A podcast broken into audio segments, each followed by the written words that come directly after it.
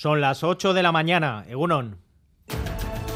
En Radio Euskadi, Boulevard. Con Iñaki Larrañaga.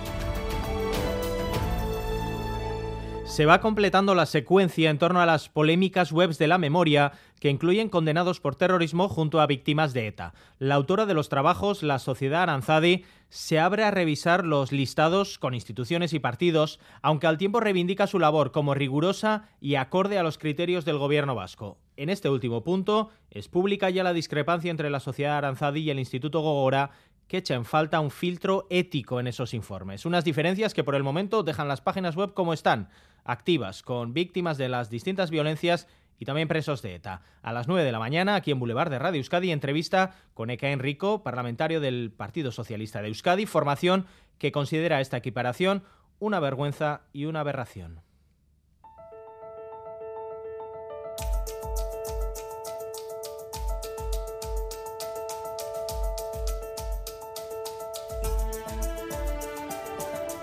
Más asuntos de la memoria reciente ocupan parte de este informativo de viernes 14 de abril. La familia de Miquel Zabalza arremete contra el gobierno español por el ascenso a teniente general del Guardia Civil implicado en la detención, tortura y muerte de Miquel en el año 1985. Indignación por lo que plantean incluso nombrar a Arturo Espejo persona non grata. Es un jarro de agua fría, una ofensa y nos deja bien claro que estamos exactamente en el mismo punto que estábamos hace 37 años, ante un muro que no dejarán derribar. El gobierno ha preferido elegir tortura en vez de verdad y justicia.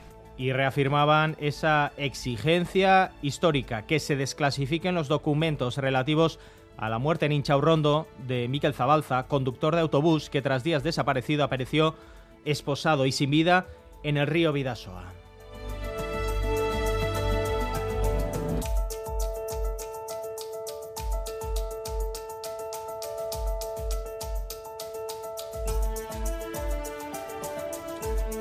La Eurocámara ratifica su apuesta por la conexión ferroviaria entre Francia y la península para el año 2030. Bruselas empuja a París a revisar su intención de posponer la conexión del tren de alta velocidad y da así también un espaldarazo al lobby atlántico encabezado por el Endacari Íñigo justo un día después de su reunión con el embajador francés. Satisfacción en el PNV. Escuchamos a Izaskun Bilbao, eurodiputada.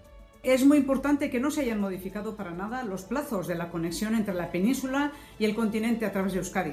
Esa decisión garantiza la conectividad de todas las regiones atlánticas con el resto de la Unión.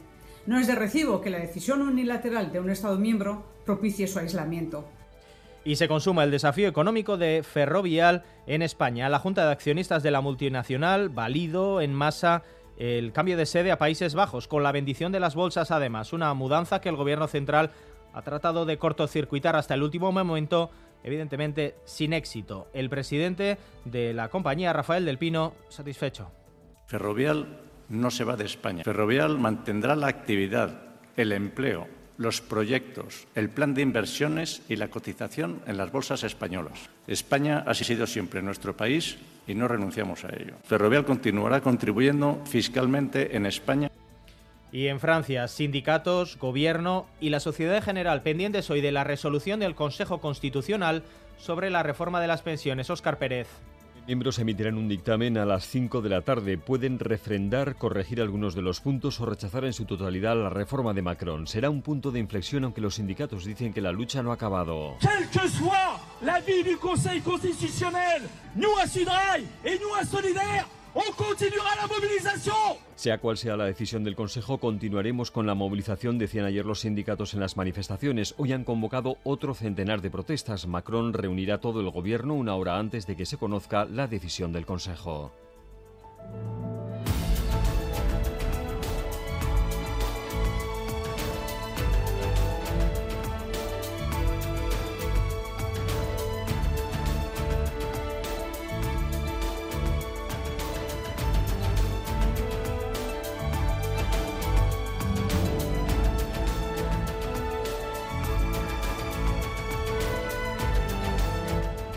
Dos de los tres menores que quedaron en libertad por violar a dos niñas en Logroño ingresan en un centro de menores. Así Herrero. Son ya cuatro los internados. La presunta violación grupal ocurrió el pasado domingo después de que quedaran a través de Instagram.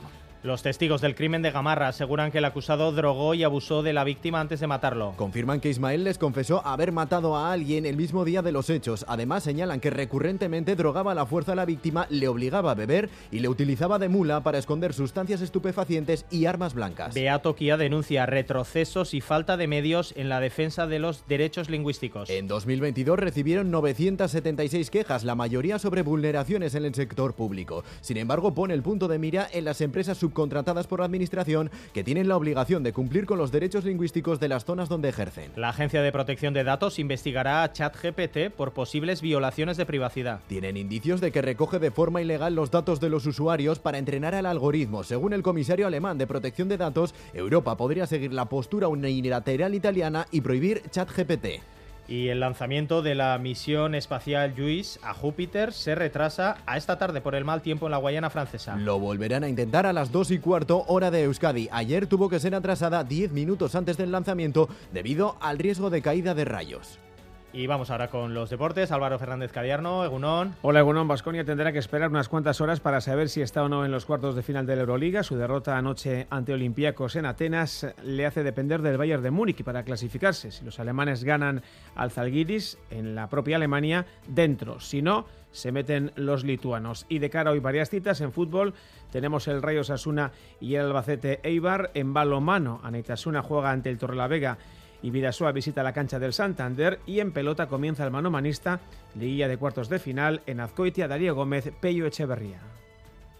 Boulevard. Lural de Bus nos ofrece la información del tiempo. Lural de Bus, a donde vayas, vamos contigo. Actualizamos la previsión del tiempo para las próximas horas de este viernes con Euskalmet, Nayara Barredo, Gunón. Egunon, hoy seguiremos hablando de lluvia con abundante nubosidad, sobre todo por la mañana, y precipitaciones que afectarán sobre todo a la mitad norte. Durante la tarde esa lluvia será más intermitente, más dispersa y se podrán abrir incluso algunos claros, sobre todo en la mitad sur.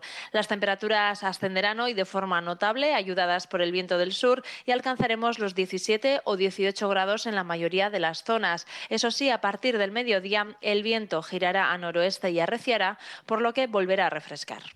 A estas horas, 7 grados de temperatura en Pamplona, Tudela y Gasteiz, 9 grados en Llodio y 11, la más elevada, en Bayona, Guetaria, Donostia, Verango, así como en Bilbao. En cuanto a la situación del tráfico, normalidad según la información del Departamento Vasco de Seguridad, WhatsApp de Radio Euskadi, 688-840-840. Caixo Egunon, en los arcos tenemos 9 grados, está nublado y se escapa alguna gota. Sornochan a grado. Guernica Lumón, Amar Gradú, Ondo pasa. Turno de tarde en el hospital. Ocho horas me esperan. Voy a visitar a Laitona, a pasear juntos un ratito. Con las amigas al teatro, qué ganas tenía ya. Porque la vida vuelve y el transporte público es vida, en Lural de Bus, donde vayas, vamos contigo. Recupera los contenidos de Radio Euskadi en la web eitv.eus y en la app EITV Nayeran.